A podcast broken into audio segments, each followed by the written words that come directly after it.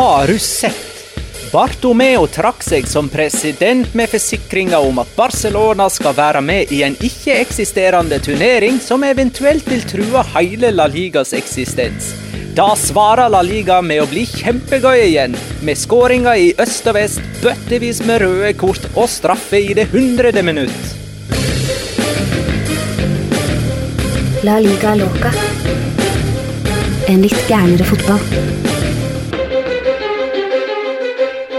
Ja, ja, ja. Dette er La Liga Loca, episode 137 av det ordinære slaget med Petter Wæland, hei. Hallo. Og Jonas Giæver, hei. Yo!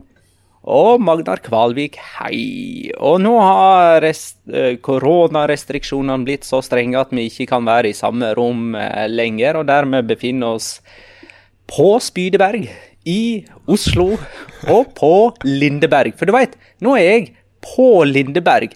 Det slutter på eh, berg, eh, ergo må det bli på. Eh, Og ja, det er der jeg jobber til vanlig, da, hvis noen skulle lure. Ingen innvendinger? Nei, men det er bra. Hvordan eh, har dere det? Jeg hadde det bra fram til du begynte med det tullet ditt nå. Jonas, da.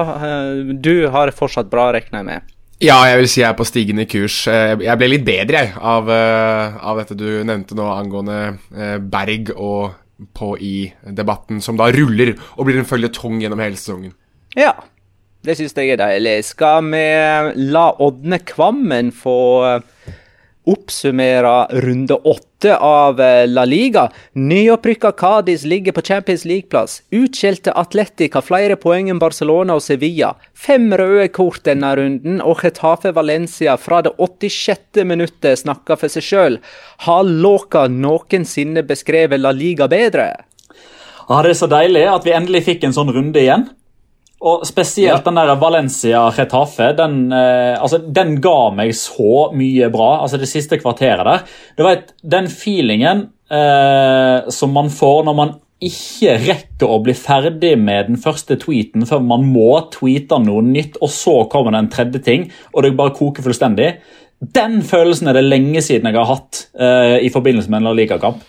Ja, jeg kan relatere til det, og spesielt i den kampen der, så Men det er jo litt sånn Det har blitt sånn nå, da. Altså, vi må nesten begynne å snakke om Altså, vi har jo da hatoppgjør og derbyer og lokaloppgjør og det som er, men jeg tror et av de potensielle hatoppgjørene som nå er i ferd med å virkelig være i emning i La Liga, er hver gang Getafe møter, eh, møter Valencia. Er det ikke noe sånn at det er ni røde på de siste ni kampene mellom de to, eh, og at det er jo strengt tatt kalibalik hver gang, og det hele har jo på en måte Det har ligget der hele tiden, men det fikk jo virkelig sitt utflod eh, det året Valencia vant, eh, som da var riktignok i, eh, i 2019, da de vant Copa del Rey og Toko en Ugo Doro, og, og nesten den slåsskampen som pågikk på Mestalla-matta etter det, og, og ja, hele den derre Kall det mystikken da, som ligger litt i oppgjøret mellom de to, som egentlig ikke har hatt noen sånn kjempehistorikk eh, fra, fra gammelt av. Det har liksom blitt kanskje det nye hatoppgjøret i La Liga. Så det Man må nesten eh, ringe rundt eh, kalenderen hver gang de to møtes, for det er blitt sånn tungvektskamp i boksing nesten hver gang de, de barker sammen. En garanti for underholdning og drama har de der oppgjøret der blitt. Før vi går i gang med runden, så eh, kan jeg ta en tweet her fra Andreas Svae, som eh, skriver Vær så snill, snakk om Alvaro Morata. Eh, og Petter, du kommenterte jo Juventus Barcelona i Champions League her om dagen, så det er jo eh, eh, La Liga-relatert, selv om Alvaro Morata nå er å finne i eh, Italia eller Serie A, da. Eh, skal vi snakke litt om Alvaro Morata, bare sånn kjapt og moro? Bare, bare før Petter får lov til å si det han skal si om Morata, jeg bare få sagt eh, Jeg sa jo i, i foregående episode at eh, det må jo være Lewandowski som eh, har den mest annullerte for VAR. Nei! Etter denne uka her, nei, det er Al Alvaro Morata aleine. Så Petter, take it away. Ja, nei, altså Grunnen til at vi snakker om han eh, nå, er jo disse eh, til stadig tilbakevendende for hans del da, og marerittavgjørelsene med VAR og offside. Og han har jo på mange måter overtatt eh, eh, tronen etter Karim Benzema, som jo hadde et rykte på seg for at han hadde med seg uh, ryggsekk uh, under drakta, sånn at han kunne slå opp telt i offside, fordi han var der stort sett hele tida. Og som det var både styrmann og Chabi Lucian vel, som sa det noenlunde samtidig på søndag, at Alvaro Morata er jo 2020 sitt svar på det Filippo Insagi ville ha vært hvis det var VAR da han spilte. Altså Han lever på den kanten hele tida og har fortsatt ikke lært seg å holde seg på riktig side. Eh, og tallene er jo helt ekstreme. Eh, altså dette, De tre skåringene som han fikk annullert mot Barcelona, skulle man jo tro var en eller annen form for rekord. Eh, og det er det jo for så vidt for Morata, bare at han tangerer sin egen rekord. For han fikk jo òg tre skåringer annullert mot Las Palmas som Real Madrid-spiller i 2016. Det er de to eneste jeg har klart å oppdrive. Han har fått hat trick i annullerte mål før. Det, ja, det har han. Og, det de siste, og de siste elleve månedene så har han fått tolv skåringer annullert for offside. ja. Så det er ikke rart han er nærmere Kalinic enn Falcao. Der har du det. Takk skal du ha. Det er bare å gratulere Serie A-fansen med å ha fått tilbake Alvaro Morata. Det blir jo alltid show, det. Men nå kan vi ta og gå gjennom runde nummer åtte, kamp for kamp, i La Liga. Det starta med Eibar Cádiz 0-2 fredag kveld. Alvaro Negredo og Salvi skåra for Cádiz, som har den utrolige statistikken at de ikke har vunnet en eneste av sine fire heimekamper, men derimot alle sine fire bortekamper, inkludert mot Real Madrid og det har ikke sluppet inn et eneste mål borte heller. Eh, og som eh, Ådne Kvammen var inne på, da, Kadis er på fjerdeplass for øyeblikket. En annen morsom ting her i dette oppgjøret er jo selvfølgelig at Eibar har heller ikke vunnet hjemme. Men derimot har de vunnet sine to siste bortekamper, inkludert mot Sevilla. Eh, det gir jo ikke mening, det som skjer i La Liga akkurat nå. Har du lyst til å si noe, Jonas? Ja, jeg, egentlig har jeg mer et spørsmål til, eh, til Petter. Eh, fordi vi skal innom en av mine man crushes etterpå. Men eh, hvor stor er den der man crushen Petter har til Jeremias Ledesma, aka Konan, i målet til Kadis etter den kampen her? Uh, nei, altså vi har jo vært inne på han uh, i den um, Når vi presenterte Kadis, uh, med at han var en profil å holde øye på. Og nå har jeg jo òg lært meg at det Konan er jo faktisk ikke et kallenavn, det er jo faktisk det første etternavnet hans. så han skiller seg jo ut i mengden der òg, er vanligvis når man heter altså, I hvert fall i spansk eh, sammenheng da, så har man jo alltid to etternavn. Man har mm. faren sitt etternavn, som er det første, og mora eh, sitt etternavn, som er det siste. Altså F.eks. Raúl Gonzales Blanco. Da har du Gonzales, som er fornavnet til faren, og så er det Blanco, som er, nei, som er etternavnet til mora. Eh, og sånn sett så er jo, altså Regelen er jo alltid sånn at du bruker kun det første etternavnet. Det andre er egentlig bare til pynt. Det er der for å ære familien til mora. Eh, men han her heter jo egentlig da Han heter jo Jeremias Konan Ledesma. Jeg har jo alltid vært av en, oppfatning av at Konan bare har vært et, eh, et kallenavn fordi han, ja, er, fordi han er som en jeg, Konan-slange, eller hva jeg skal kalle det for. at han liksom tar Conan the Barbarian. Du må jo være, må du komme må du opp i tegneserieringa her. Kom igjen. Ja, men, den, ja, men den er din. Ja, takk. Eh, altså, Hvert sitt ansvar. Ja, greit.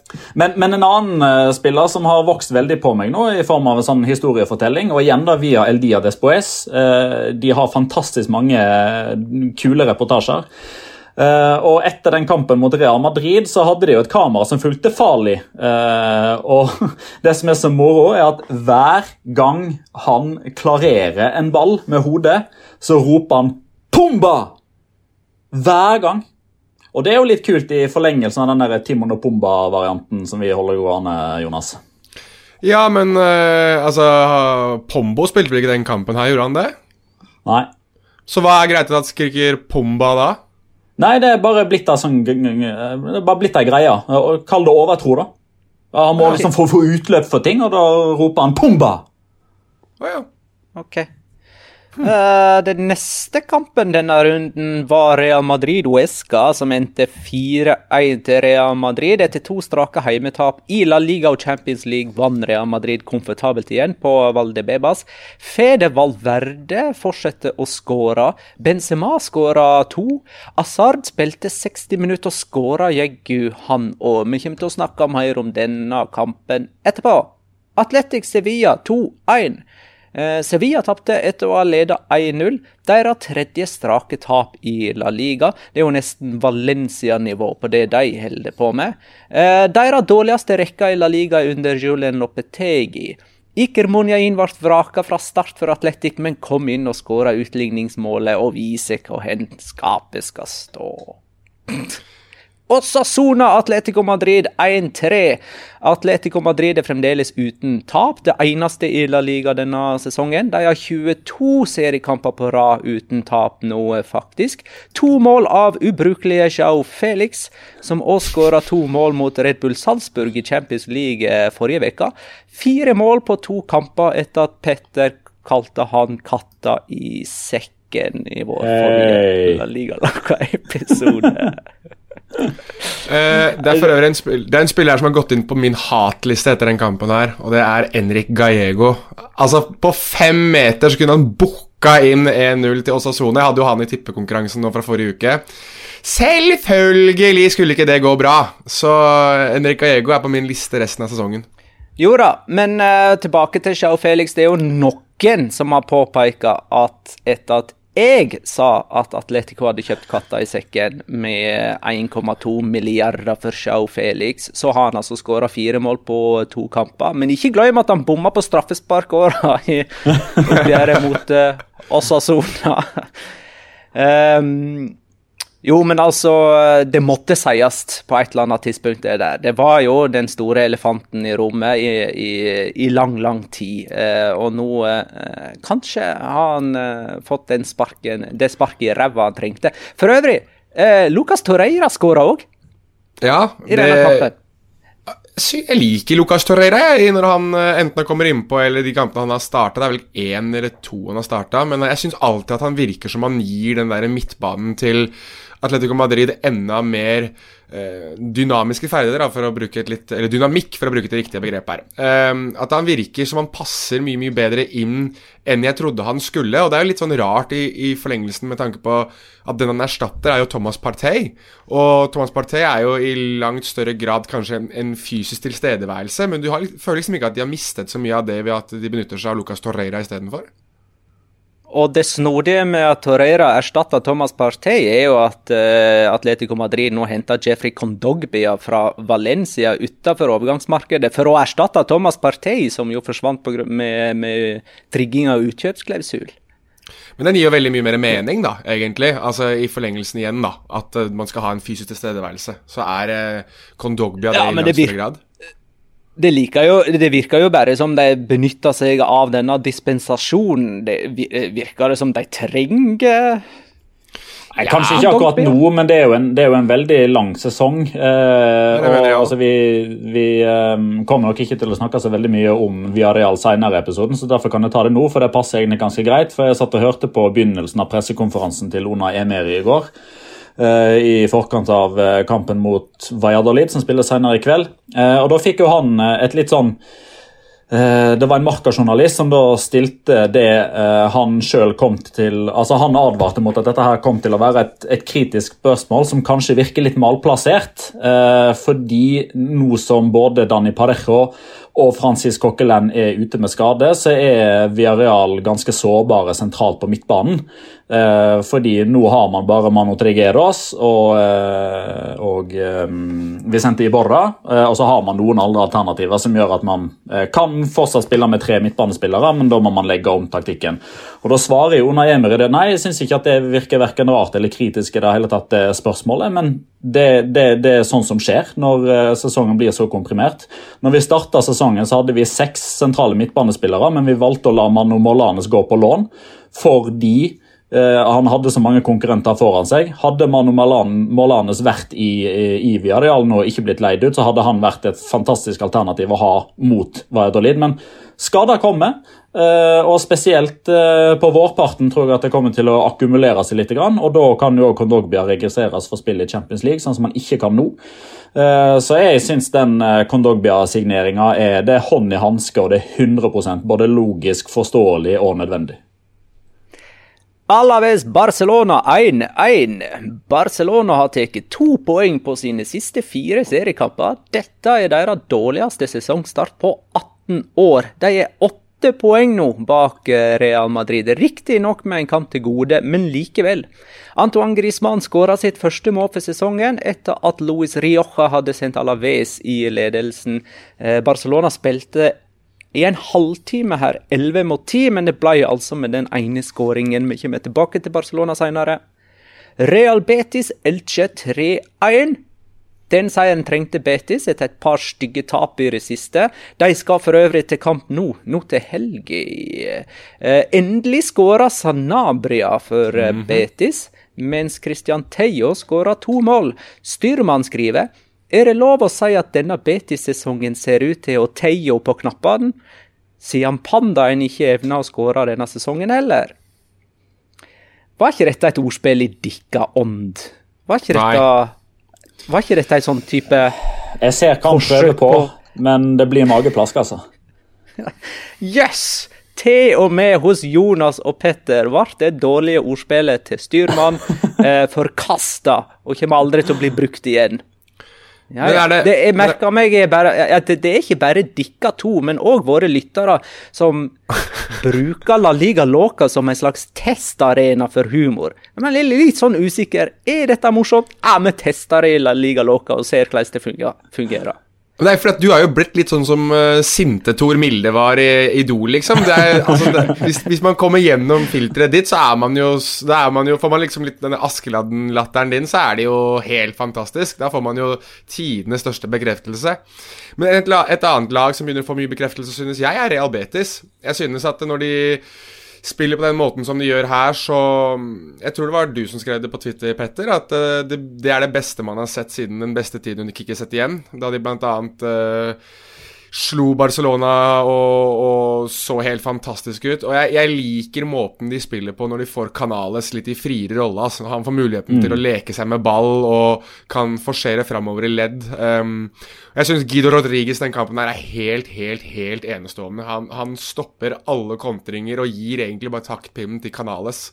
Uh, og når man da i tillegg har Sanabria, som jeg synes er en bedre boksspiss, da, hvis jeg kaller det, enn det Borja Iglesias er, i form av at han kan, uh, man kan spille opp på ham, og han trenger ikke så mange touch for å være effektiv. Uh, så har du et angrep også som begynner å se spennende ut. Og så har du da typer som Theo, som har uh, en og annen kamp innimellom, og Nabil Feker, som er altså gjennomsyra kvalitet, da, når han gidder. og det virker som han, han gidder oftere i år enn i fjor. Jeg er helt enig, spesielt det du trekker fram med Guido Rodriguez der. og det som jo var den taktiske endringa fra Pellegrini i denne kampen, her var jo at han faktisk fikk lov til å regjere litt der alene.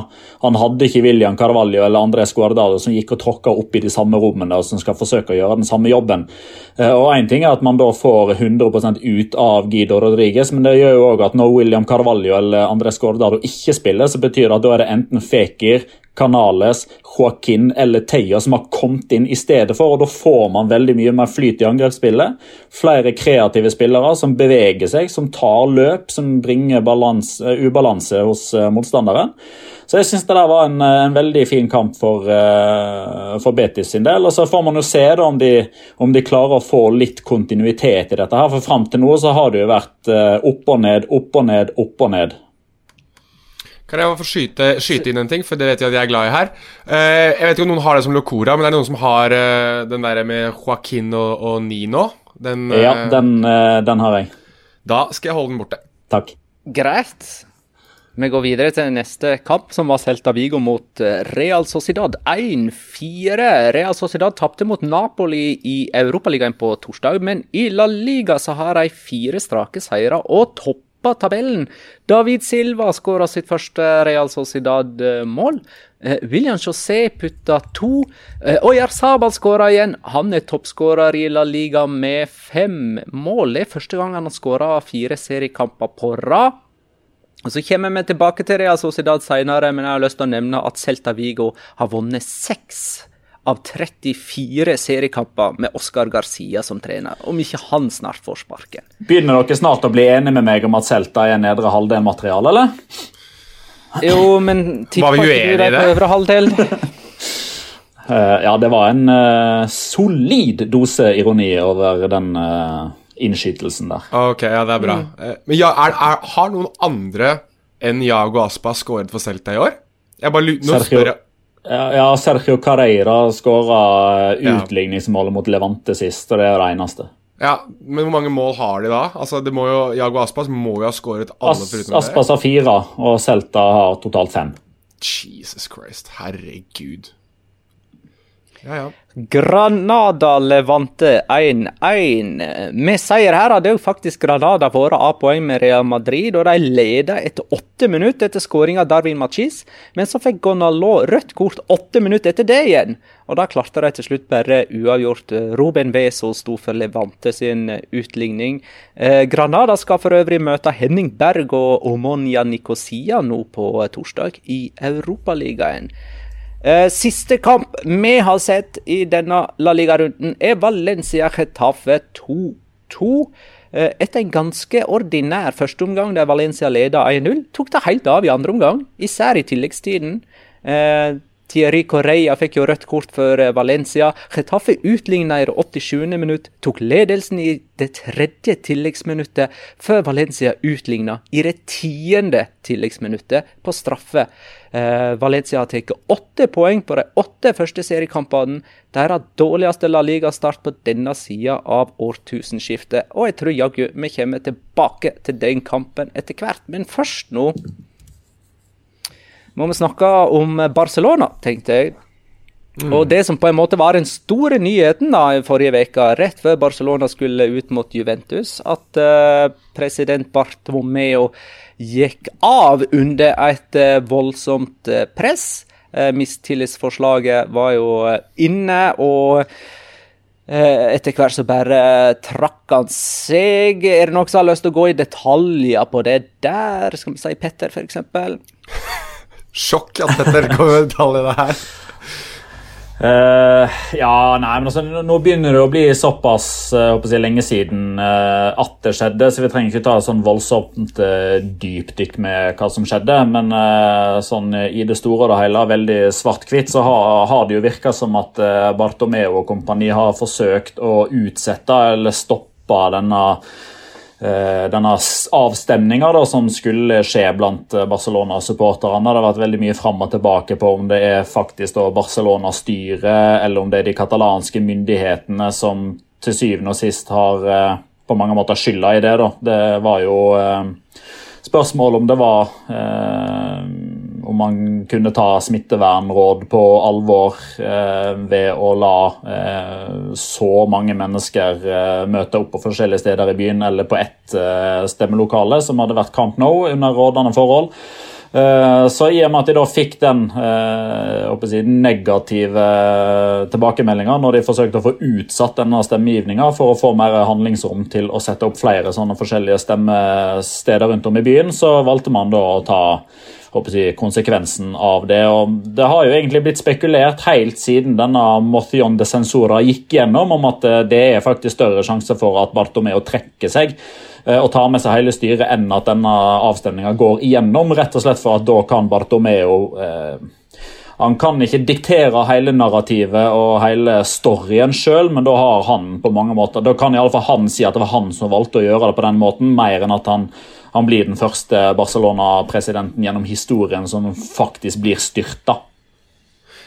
Men, men det, er jo, det er et viktig poeng her, da. For det, du, er- det siste du sa der, er jeg helt enig med deg, Petter. Men narrativet som kommer til å spille seg ut om 10, 15, 20, 25, 30 år, er jo at Lionel Messi vant maktkampen. At det måtte Ja, ja, ja. gå pga. Lionel Messi. Og, og det jeg tenker nå, er jo eh, litt hvilken posisjon Messi nå har klart å sette seg i. Altså ehm, Hvis ikke han signerer ny kontrakt nå med Barcelona og blir værende ut karrieren sin etter at det her har skjedd, så lurer jeg litt på hva var poenget da? Altså Hva er poenget for, for alles del at dette her egentlig har skjedd? Skal han si at nei, skaden var allerede gjort? Nei, men han fikk jo dyttet ut hele styret. Dette er jo det de har ønsket, dette er det man har gått i bresjen for. Dette er det han har sittet og snakket om i et langt intervju med Goll, som har vært gjennomgående i hvor mange år nå? Fem år i mindre eller større grad. Hvis Messi nå tar hatten sin og går sommeren 2021, så eh, begynner jeg å lure veldig på hvordan vi skal betrakte ikke bare Barcelona som institusjon, men også Lionel Messis posisjon i Barcelona. Fordi han blir jo nå sett på som den store superhelten, som mannen som på en måte drepte overmakten. da Altså Det, det uovervinnelige slo Messi, ikke bare på banen, men også utenfor banen. Hvis han da ikke blir værende ut karrieren sin, så, så um, lurer jeg veldig på hva dette her var godt for. Så, så, det som blir spennende nå, er jo å se hva etterhistorien, da. Altså blir etter at man har mistet uh, Eller at Bartomeu har gått, da. At man ding dong, the witch is dead. Hva skjer videre? Eh, David Søreg spør vil det ha noe å si om Bartomeo går av nå, eller om han hadde gått av til våren? Nei, Ikke noe annet enn at uh, veldig mange av de som da mener at klubben er på vei utfor et stup, vil jo da kunne jeg, ta til orde for at uh, nå får man en anledning til å stoppe det fallet tidligere. Og det nye styret og den nye presidenten som kommer inn, får handlingsrom til å bruke ja, la oss si, tre-fire, kanskje fem måneder da, av denne inneværende sesongen til å planlegge sesongen som kommer, i stedet for å overta en klubb midt i et overgangsvindu og få lite handlingsrom til å forberede 2021-2022-sesongen. Eh, men jeg tror egentlig i det store og hele så tror ikke jeg nødvendigvis at det har så veldig mye praktisk betydning eh, for Barcelona som klubb om Bartomeo gikk nå i slutten av oktober, eller om han hadde sittet til mars når presidentvalget egentlig kom.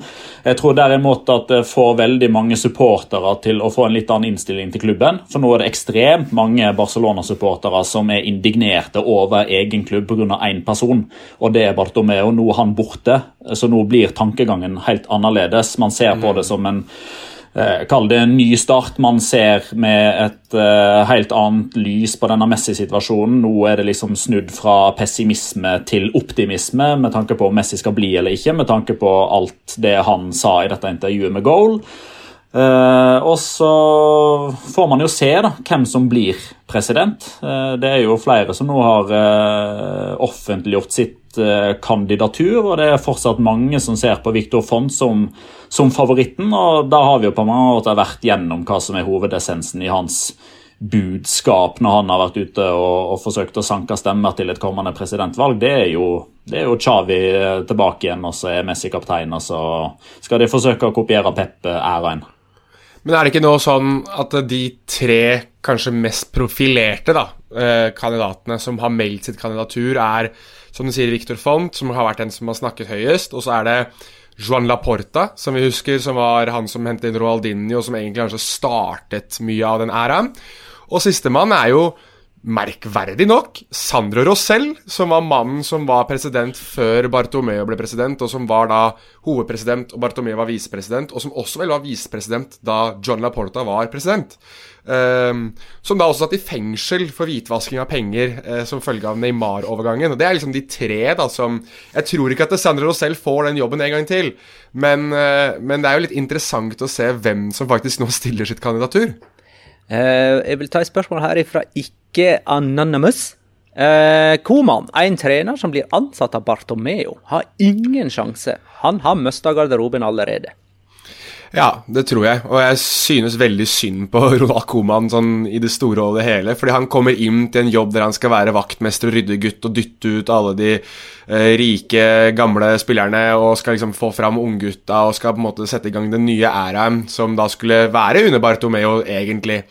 Og så går det et par måneder, og så er Bartomeo eh, ute. Og så vet vi at fanesaken til Victor Font er å ta Barcelona tilbake til Cruyff-æraen. At han skal ha Xavi inn som hovedtrener. Så Ronald Coman, da, som hadde kanskje det mest imponerende landslaget da, i 2019-2020 med, med Nederland, har jo da måttet gå fra den jobben et år før EM. Og nå kan han også miste Barcelona-jobben mens han da mest sannsynlig Ja, nå vet vi ikke, da, Frank de Boer har ikke akkurat vært så, vært så, fantastisk god for Nederland, så det kan det være han får tilbake den jobben. Men han mister i hvert fall da den jobben, og potensielt mister én jobb til, som gjør at han da sommeren 2021 egentlig står litt med sitt ikke-eksisterende skjegg i postkassa. Har... Det er litt interessant, da, sånn i forlengelsen av det. Han har to seire, to uavgjort og to tap på sine første seks seriekamper. Det den dårligste ligastarten for en ny Barcelona-trener siden 1971. Men, men jeg, må jo, jeg, må jo, stille spørsmål til, til, dere begge to. Sånn, nå sitter vi jo egentlig i dag Altså de første dagene inn i en ny Barcelona-æra. Altså hvor mange ganger Altså Da vi startet podkasten, Da var jo hylekoret i gang rundt ansettelse av Ernesto Valverde, og at Bartomeo og ledelsen måtte gå. Nå har han på en måte hatt det som en sånn sak som har pågått hver eneste sesong. Nå er jo dette over, altså nå skal man starte på nytt igjen. Men er, var det liksom det som var hovedproblemet i Barcelona, eller er det mer man nå må gjøre? Det er jo økonomien, da. Eh, altså De som si, krisemaksimerer mest, eller som leser tallene med mørkest undertone, påpeker jo at dersom Barcelona ikke blir enig med Barcelona-spillerne om en ganske betydelig lønnsreduksjon, så er det fare for konkurs. Eh, jeg tror det er ekstremt overdrevet. og hvis hvis det er noen som med viten og vilje har satt ut det ryktet, eller kommet med den informasjonen, så er jo det for å legge press på at eh, nå må resten av spillergruppa komme til enighet med Barcelona om eh, reviderte kontrakter, sånn som Ter Stegen, Piquet, Longley og de Jong vel eh, ble eh, enige om for eh, to uker siden. Uh, så det er, jo ikke, det er jo ikke noe sånn at nå skal en ny president uh, komme inn, og det skal være uh, jubel i gatene, og det skal loves storsigneringer, og nå kommer alt til å gå på skinner. På ingen måte. Den klubbledelsen som har vært nå, den klubbdriften som har vært nå, har jo dratt med seg ting som kommer til å vare ganske lenge. altså annet dette generasjonsskiftet som de er inne i allerede. Altså, det er godt i gang. Eh, jeg syns jo eh, Jeg forstår jo at det er sånn, eh, og jeg skjønner at når det er negative ting som skjer i og rundt Barcelona, så snakkes det mye om, men noen ganger så blir det litt dårlig balansert. Det er ganske mye positivt som skjer i Barcelona, òg, med tanke på at man har kommet godt i gang med dette generasjonsskiftet, når man ser Ansu Fati, Pedri, Trincao, Serginio Dest Ronald Araujo spiller fotball, og det er på, det, det er på ingen måte den generasjonen der det står på. Det er mer det gapet som er mellom. Altså Mellom de som er 30 pluss og de som er på vei opp nå, så er det jo nesten ingen. Eh, og Der ligger jo litt av utfordringa til de nye som kommer inn. Både president, den som skal være sportsdirektør, den som overtar etter Ronald Koman. For jeg har ikke noe tro på at han blir der så veldig mye lenger enn kanskje ut denne sesongen. Det er jo å finne ut å, å, ta de tøffe valgene. Hvem må gå? Eh, klarer man å få nok penger for de til at man kan gå ut på overgangsmarkedet og hente de spillerne man ønsker osv.? Så, videre. så det, det, er fortsatt tøffe tider og mange vanskelige avgjørelser som skal tas i Barcelona i tida framover, selv om Bartomeu er borte. Messi har fem seriekamper på rad uten verken mål eller målgivende for første gang siden 2006-2007-sesongen. Og han har vel fortsatt bare skåra på straffe i alle offisielle kamper. Eh, mot Villarreal, Ferencvaros og eh, Juve. Og Ecuador for Argentina. Ecuador fra Argentina òg, til og med. Der ser du så viktig Er det så viktig for Barcelona å beholde han eh, utover nåværende kontrakt når han har fulgt 34 år og ikke verken skåra eller målgivende pasninger lenger? Altså jeg vet at dette her, er, dette her er antageligvis som å sette fyr på Barcelona i enda større grad enn å multiplisere Ansu Fati og Ricky Pudge-påstandene mine. Men jeg legger jo merke til at når det, når det butter litt for Messi, så er det ganske mange på Twitter som kommer med litt sånn eh, si, altså litt sånn spennende ideer, tanker, da, med at kan Messi noen ganger òg være et problem, i form av at alle andre kan bli litt usikre på rollen? Fordi Mot slutten, for eksempel, mot Alaves, absolutt alt skulle innom Messi. Absolutt alt skulle innom Messi. Og normalt sett så, så eh, blir resultatet at man, man skårer det målet man trenger, så vinner man. Ja. Men når det ikke blir sånn, så kan man liksom stille spørsmål ok, greit, kan han noen ganger ta litt for mye plass. Og det, Dette her sier jeg jo ikke fordi eh, jeg ikke mener at Messi er god, eller noe som helst, det der, men mer er det for å forsøke å gi et lite håp til Barcelona-supporterne at kanskje kan det være et liv i Barcelona etter Messi òg, selv om det blir ekstremt vanskelig. Veldig kort uh, til det. og Jeg synes det er like, like interessant hver gang uh, når den diskusjonen der pågår. Jeg lurer veldig på, når karrieren deres er over, når vi ser tilbake på dem om 10-15 år, hvordan man bedømmer Cristiano Ronaldo og Lionel Messi. Fordi jeg synes Cristiano Ronaldo har vært veldig god på det å forstå at han har blitt eldre om å tilvenne seg, og den, den måten han passer på kroppen sin på, som kanskje ikke Lionel Messi har gjort like godt gjennom hele sin karriere. Jeg lurer veldig, veldig, veldig på hvordan det der kommer til å, å påvirke ettermælet deres. Jeg er veldig enig, og en annen sånn menneskelig faktor som jeg tror kommer til å være med på å farge det bildet der, det er jo nettopp den tida vi er inne i nå.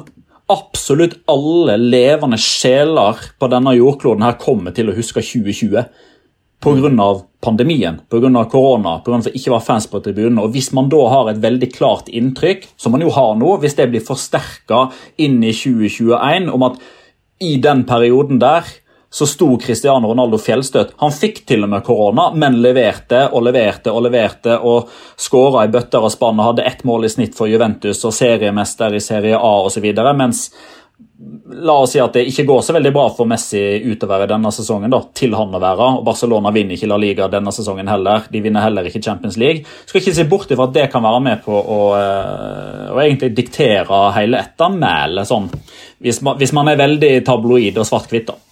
Ok, vi får eh, bevege oss litt videre.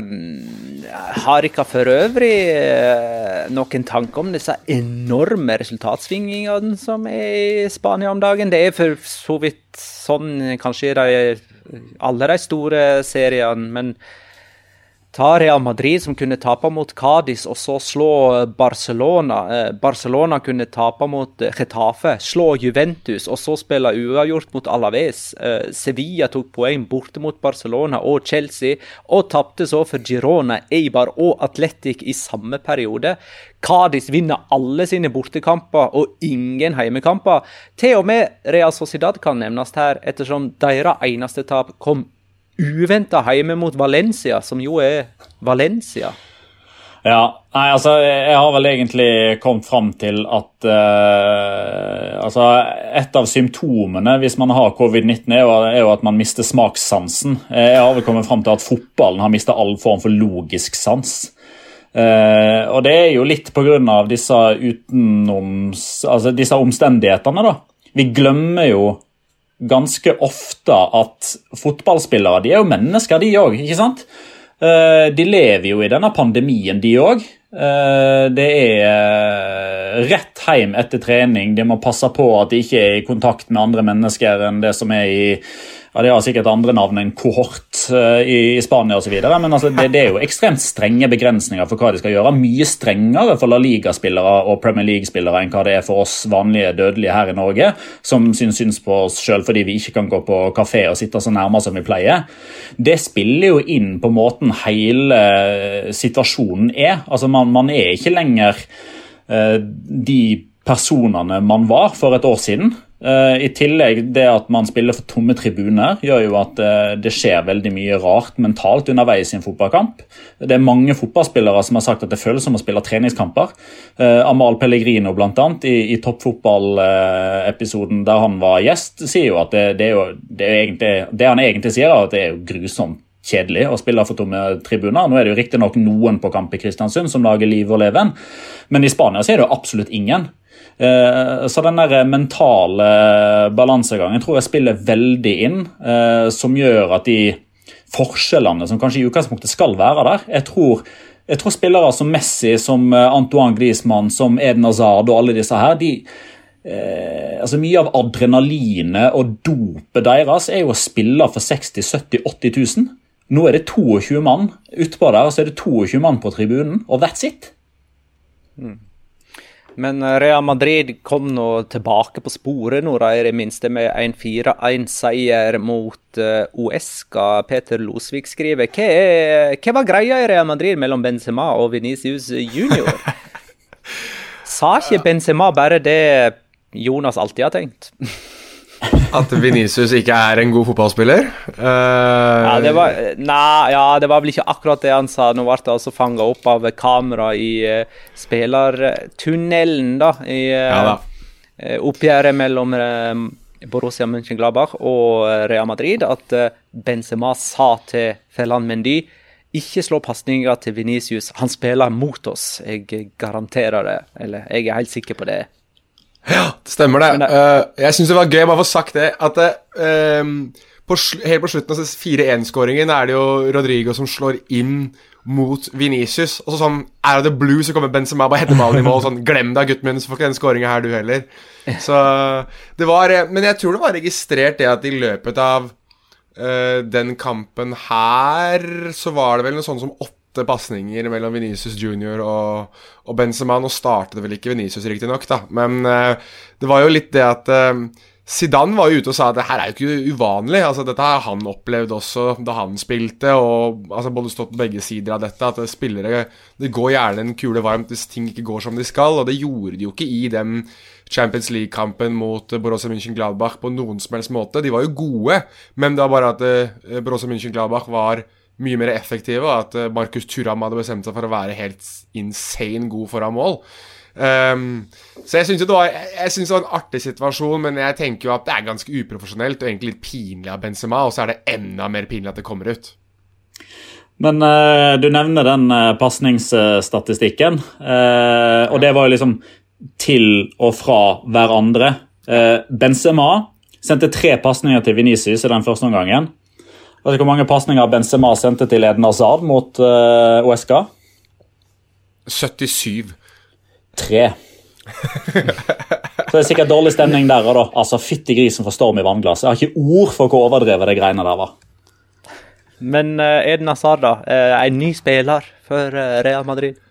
Will the real Eden Hazard please stand up, var det jeg tenkte da den kampen her pågikk. Og det gjorde de jo så ettertrykkelig, og den skåringa er jo veldsklass, for å bruke et begrep som de bruker i det ene landet Real Madrid spilte i denne uka her. Men Nei, jeg, jeg, håper for uh, Real Madrid-fansens del, og for Real Madrid sin del, og for La Liga sin del hva angår attraksjoner, at det her er starten for Eden Hazard. Nå sier jeg jo det, også i morgen så er han skada igjen, men, uh, men, når han holder på sånn som det og er i spillehumør Åh, det er så gøy å se på. Det er så gøy å se på når han gidder.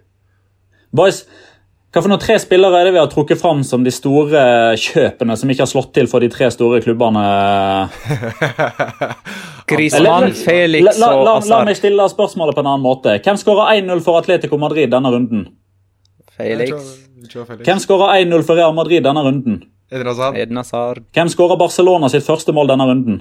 Antoine Griezmann. Antoine Griezmann. Altså, vi, vi, setter spor, altså. Nå, nå, begynner de å høre på oss. Nå skjønner de at nå, nå kan de ikke bli hetsa av de tre idiotene fra Norge lenger. Tenk når Ricky Pooge begynner å spille bra òg. Eh, noen var inne på at eh, Eden Hazard eh, blir skada igjen i morgen. Da sikta, Det var vel du det, Jonas, som sa det. Da ja. sikter du kanskje til deres kamp mot Inter da, i Champions League, siden de spiller den kampen. Eh, et døgn etter at vi har spilt inn denne podkasten. Og er det sånn å forstå at uh, den angrepstrioen Ascencio, Benzema og Asard er den uh, Zidane egentlig har lyst til å ha i disse storkampene? Det virker jo sånn. Eh, altså at, at, Eden Hazard skal spille når han er skadefri, eh, så lenge han viser at han er god nok, og det har han jo gjort nå. Altså, han har spilt til sammen 80 minutter med fotball denne sesongen, og i den perioden så har Real Madrid 5-0. Eh, det er et veldig lite statistisk utvalg, men han kom inn på 0-2 mot Gladbach og, og, var på banen når de kom tilbake igjen. Og så eh, leda de 3-0 eh, når han gikk av, og sendte de 4-1 til slutt mot, mot Uesca. Altså, når, når Azad er i form, så spiller han. Det samme er med Benzema. Så det eneste spørsmålet er, og da er jo om Ascencio uh, framstår som et førstevalg under Zidane. Uh, I form av det han leverer på banen, så syns jeg at svaret fortsatt er sånn nja. Jeg venter fortsatt på Ascencio, men man ser jo at han blir jo valgt fra start i El Clásico, og det er jo et veldig tydelig tegn.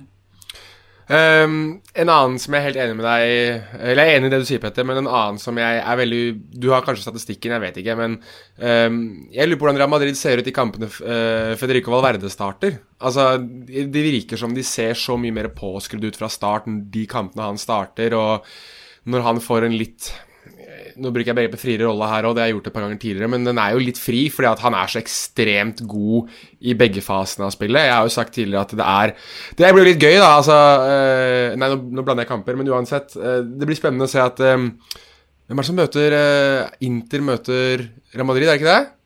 Ja. ja. Jo, da, da, blir det dem. Da, da, blir, da, blir, det jo Arturo Vidal mot Arturo Vidal 2-0, da. Det blir jo det blir liksom den nye mot den gamle, eh, forhåpentligvis. Det blir jo ekstremt, eh, en ekstremt morsom kamp i kampen. Fordi altså når Federico Valverde er i gang og får lov til å, å, utfolde seg på den måten som han har gjort, spesielt i El Clásico, men også i den kampen her, så, så er det få midtbanespillere som virker å være mer dynamiske enn ham. da. Og Derfor lurer jeg på hvordan Real Madrid egentlig ser ut i de kampene han starter. Jeg vil jo tro at de kanskje ofte tar ledelsen eller, eller vinner flere kamper der han starter, for det virker som de gir dem en edge.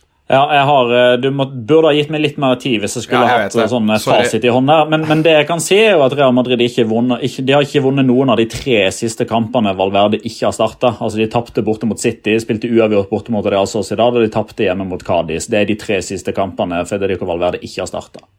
Ja.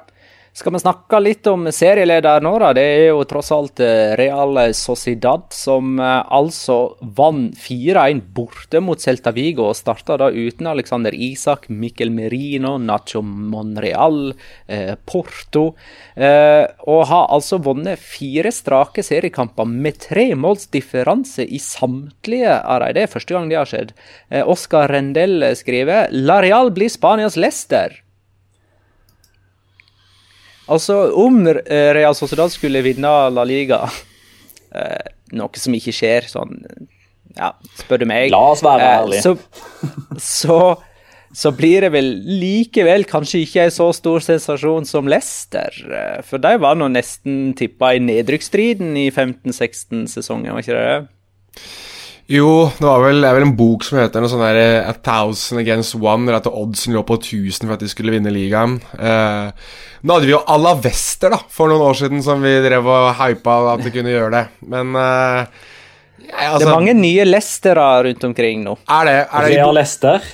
Vi har jo i, I Norge så har vi jo Bodø-Glimt, som uh, er eh, Ja. vårt svar på Leicester. Så um, alle er Leicester eh, når de gjør det litt bra, vet du. Real Sociedad har for øvrig bare sluppet inn fire mål på sine åtte kamper. Det er sterkt. De har skåra 18. Eh, Det er for øvrig bare Atletico Madrid som har færre baklengsmål. Vi har jo snakka litt om det tidligere, at det ser ut som Real Sociedad er litt stødigere bakover, men kan vi tro at det er stabilt? Det er jo egentlig mot all, eh, all logikk at det altså, skal fortsette å være så solide bakover. Men det er klart, nå, eh, noen tradisjoner må vi jo holde ved like. Altså, Baklengsmålet som kommer nå mot uh, Celta Vigo, er jo et straffespark som Robin Lenormand uh, forårsaker. Og så er det jo selvfølgelig en formildende omstendighet at det nok ikke skulle ha vært straffe, fordi han er rett og slett bare skikkelig uheldig og sklir. Eh, og så er Bryce Mendes litt sånn collateral damage, men det er jo ingen overraskelse at hvis noen først sklir inn i egen 16-meter og meier ned en motspiller, så er det Robin Lenormand. Og han lagde egentlig straffe mot Real Betis for en tid tilbake. Ja, helt riktig. Det skulle vært straffespark. Det er helt riktig. Men eh, kan vi, kan vi hylle den som hylles kan også? Altså det angrepet til Real Sociedad. Nå vil jo selvfølgelig Mikkel Oyarzabal få mye fortjent skryt, men Porto begynner å, for meg er en sånn unsung hero i det laget der. Fordi han legger ned noen voldsomme meter. Og jeg lurer på hvor mange av de meterne som egentlig er sprinter. For han virker å alltid være i full galopp. Og presser og pusher og gir de liksom en sånn et første ledd med forsvar, et første pressledd, da, som er eh, nesten litt eh, enestående i La Liga denne sesongen her. Jeg synes han har vært helt, helt, helt vanvittig god, selv om han kanskje ikke har skåret eh, så mange som hadde håpet. Men han virker som han nesten gir vekk en del av de skåringene sine for lagets beste ved det at han løper så mye. Jeg er litt spent på å se om de klarer å få denne sesongen her til å si, å, få den gode trenden til å vare enda litt lenger enn hva de klarte forrige sesong. For jeg husker For et år siden så satt vi og snakka om dette, her, bare at vi bytta ut eh, David Silva med Martin Ødegaard. Ja. For da snakka vi om Porto, at han skåra og hadde målgiverne, og Mikael Oyarzabal var kjempegod, og Mikkel Merino var på, da på vei inn i landslagstroppen. William José og Alexander Isak var begge liksom, toppskårerkandidater som pusha hverandre. Og da holdt det jo gående ganske lenge. Jeg husker jeg var på fjerdeplass etter ti serierunder, og så var det jo på fjerdeplass idet koronaen brøyt inn, og så falt det på mange måter litt sammen der av diverse årsaker, eh, som vi òg har snakka om i tidligere episoder. Så jeg er veldig spent på om de klarer å holde dette her gående når de nå denne sesongen, i motsetning til forrige, har Europa League å ta hensyn til òg. For der har det jo havnet en litt sånn litt sånn små situasjon. I hvert fall hvis de har tenkt til å ha ambisjoner om å for eksempel, å vinne Europa League, så må de jo slå inn åpne dører. gå videre fra gruppespillet. Og Der har de jo kommet i en litt sånn eh, prekær situasjon i og med at de tapte hjemme mot Napoli, og de har såpass tøff andre motstand som Atze Alkmaar, som de skal møte i et dobbeltoppgjør nå eh, på torsdag og om tre uker igjen. Så det er jo, er jo en faktor som spiller inn. Skal vi snakke litt om eh, Valencia Chetafe 2-2? Det kan Ja! Eh, vi, kan, vi, kan, jo Det er mye å ta tak i fra det oppgjøret der, men vi kan jo begynne å ta det litt sånn kronologisk med at eh, Jonas Mossa Mussa eh, skåra 1-0-målet for Valencia og ble deres nest yngste målskårer gjennom tidene. Og jeg tror deres yngste gjennom tidene skåra på 1940-tallet eller noe. Mm. Eh, 17 år og ja, 17 år og noe 330 dager. Eh, Veldig snart 18. Ja, 29. november følger han 18. Uh, og ja, han har jo egentlig Vi har jo snakka om han før, for han har jo vist positive tendenser fra start av. Eh, allerede i seriepremieren mot Levante.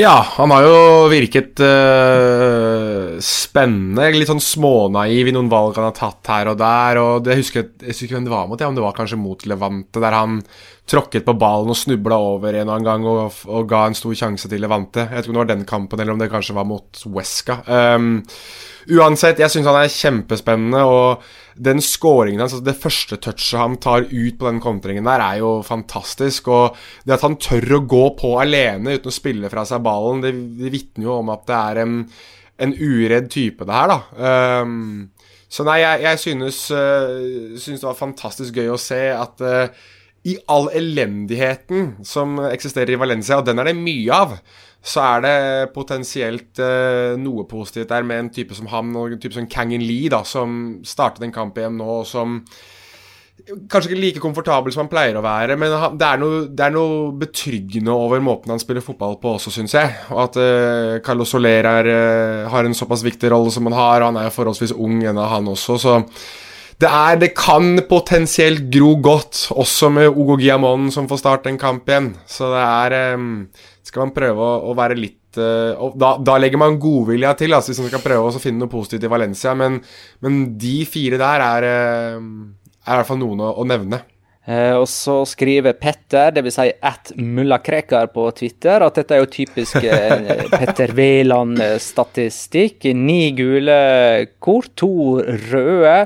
Eh, ni røde på de siste åtte mellom disse to uh, lagene. Ja. Jeg kan jo legge til at det ble 43 frispark, som jo er ett mer enn i Chetaffe sin forrige kamp mot Granada. Så 85 frispark på de to siste Chetaffe-kampene nå.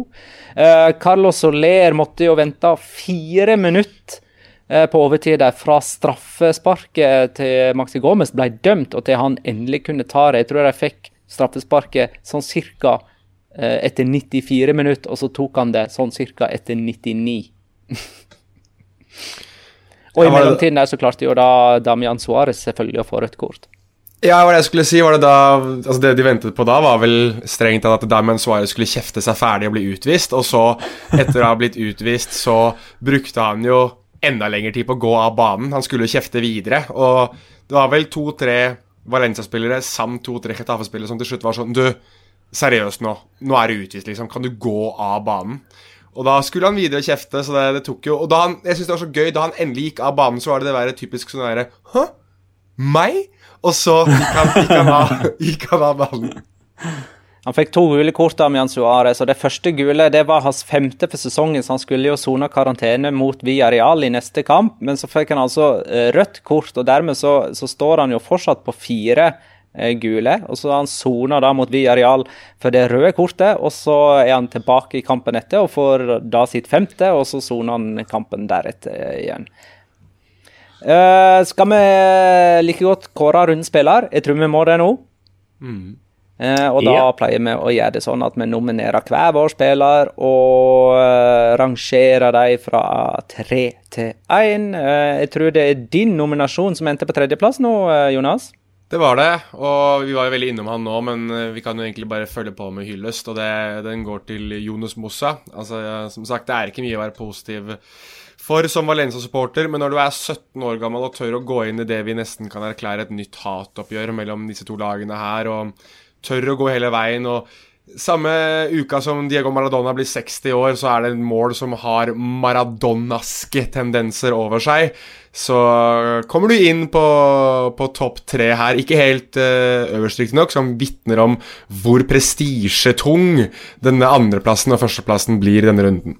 Andreplassen uh, tar jeg, da. Den går til Karim Benzema, som hadde to mål og én målgivende for Real Madrid mot uh, Uesca. Uh, og det, det, er jo en god statistikk. En annen litt sånn fascinerende ting med Karim Benzema er at han, han blir nesten aldri spara. Han starta alle seriekampene, og den eneste offisielle kampen han ikke har starta, det var mot Sjaktar. Uh, så, så, han spilte altså ikke den grusomme uh, omgangen da de lå under 3-0 til pause. Han kom inn til andre omgang. Eh, og eh, ser jo eh, helt uaffekta ut av dette kampprogrammet. I alle fall når han nå spiller seg opp og leverer som han gjorde mot Oesca. Så da kan du, Petter, få nummer én. Ja. Eh, du skulle jo nesten ha tatt denne sjøl, du, Magnar, i og med at du eh, forsøkte å nærmest avskilte han som profesjonell fotballspiller eh, for ei uke siden. Det er jo snakk om Joao Felix, og dette er vel nesten ukens spiller istedenfor rundens spiller. Må nesten ha med den kampen han spilte mot, uh, mot Salzburg. For der var, han, mm. der var, han, faktisk enda litt bedre. Uh, for der var motstanderen enda tøffere. og Der ble han enda mer avgjørende òg, med tanke på at han skåra vinnermålet rett før slutt og, uh, og var en drivende kraft i alt som Atletico Madrid foretok seg. Uh, og det er litt interessant, for jeg føler Når jeg ser Atletico Madrid spille fotball nå, så er det veldig mye oftere enn før at man ser en litt sånn Hawaii-fotballtendens, altså at det bølger fram og tilbake. Uh, du har den 6-1-kampen mot Granada som var litt sånn what the fuck, og så kom de litt sånn tilbake igjen i det der gamle seiersporet med to 0-0-kamper. Men nå har de klart å vunne to sånne fram- og tilbakekamper på rad mot Salzburg og Osasona. og Det er de kampene der at jeg føler at Joao Felix kommer til sin rett, og det blir litt mer plass når ikke Atletico Madrid bare skal ligge inne på egen banehalvdel og forsvare seg, og så skal du springe 60 meter fram mot, eh, mot et motstanderlag som egentlig ligger i grei balanse når eh, kontringen starter. Så jeg synes det blir utrolig eh, interessant å se hvordan Atletico Madrid framstår i tida framover. Om Diego Simione er i nærheten av å ha samme inntrykk som meg, eller om Simione er så sta at i, i, neste kamp så er de igjen tilbake igjen til at de skal forsvare seg. og De har vel Cádiz kommende helg. Da, da blir det jo i alle fall en sånn eh, kamp som har 0-0 skrevet over seg. Men eh, nei, Joao Felix han begynner virkelig å levere nå, altså. Så skal jeg selvfølgelig, som jeg alltid gjør, eh, skyte inn to navn som ikke kommer med her, men som får bli sånn honorable mentions. Og Det er jo Christian Theo, som eh, har en fantastisk kamp for Betis. Og så vil jeg jo også en vi ikke har snakket om noe særlig, og som jeg synes var god i fjor òg, Ferdinando Pacheco.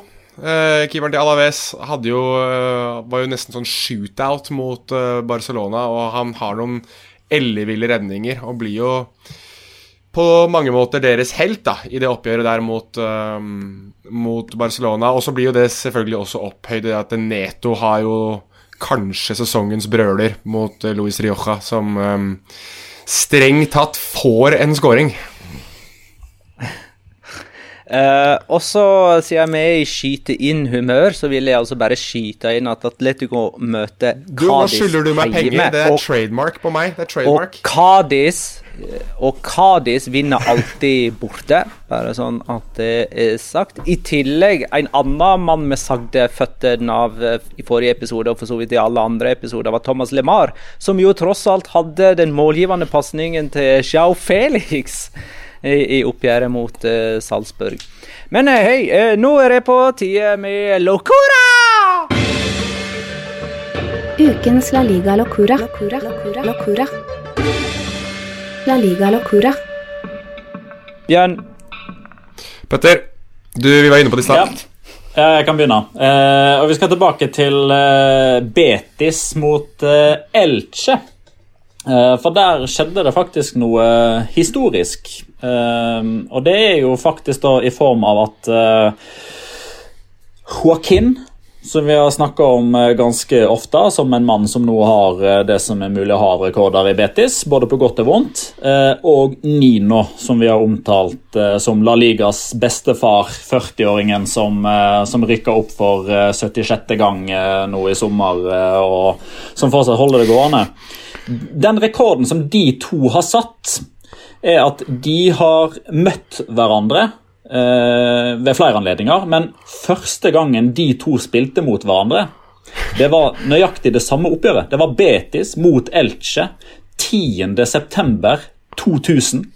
Og så møttes de igjen for samme klubber etter å ha vært rundt om 1.11.2020. Det er altså over 20 år siden de to spilte nøyaktig samme kamp for de samme lagene. Eh, så det forteller litt om eh, to stykker som eh, har klart å holde koken i lang tid. Jonas? Ja, jeg må ta et tips jeg fikk av en som kaller seg for Arnstein på, på Twitter. jeg regner med at han da heter Arnstein. om gruppa til Real i Europa League. For dem er jo ganske interessant. Jeg vet ikke om dere har sett de lagene de møter der. Der møter de jo Karabakh fra Aserbajdsjan. Aserbajdsjan er ikke et land som er i Europa. Uh, de møter også Makabi Tel Aviv, som er fra Israel. Israel er ikke et land i Europa. Og så møter de Sivaspor, som er fra Siva-regionen i Tyrkia. Tyrkia er jo en nasjon som har uh, delvis landet sitt i Europa og delvis landet sitt i Asia. Siva ligger i Asia. Ergo Villarreal spiller da i en gruppe i Europa League der ingen av motstanderne er fra Europa. Det må være rimelig unikt. Så jeg takker veldig for tipset der. Um, og klør meg veldig i huet over da hvordan dette i det hele tatt er mulig. Villarreal-spill er jo egentlig sånn invitational i Asian League. Det er egentlig det som har foregått her, ja. Eh, da tar jeg tipset fra Håvard Sæle om eh, litt sekundadivisjonssnakk i eh, Locoraen. For i oppgjøret mellom Almeria og Girona fikk Girona tre røde kort og likevel enda kampen 0-0. For slik skal det liksom bare være i sekunder. Det skal skåres lite mål der, så selv om et lag spiller 11 mot 8 åtte, så skal de pokker ta, ikke skåre.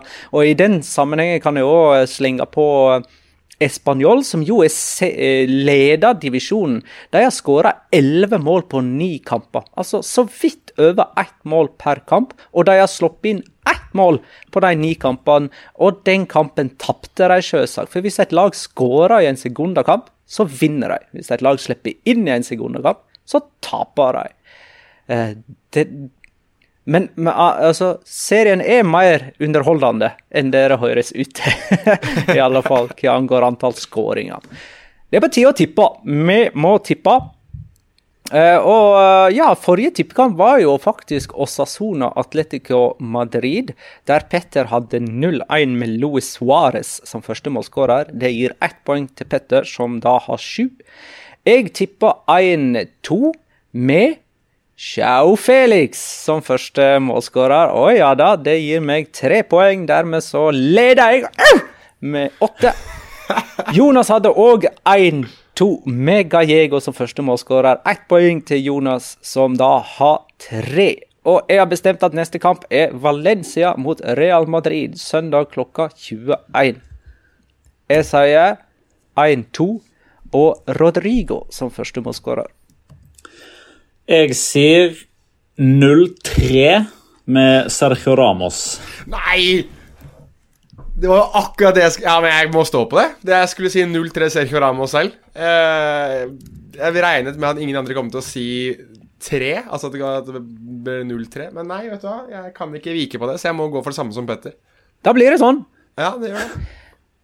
Da runder vi av. Jeg takker alle lyttere for uh, nyttige spørsmål og innspill til nok en episode. Takk for at du lytta, kjære lytter. Ha det, da.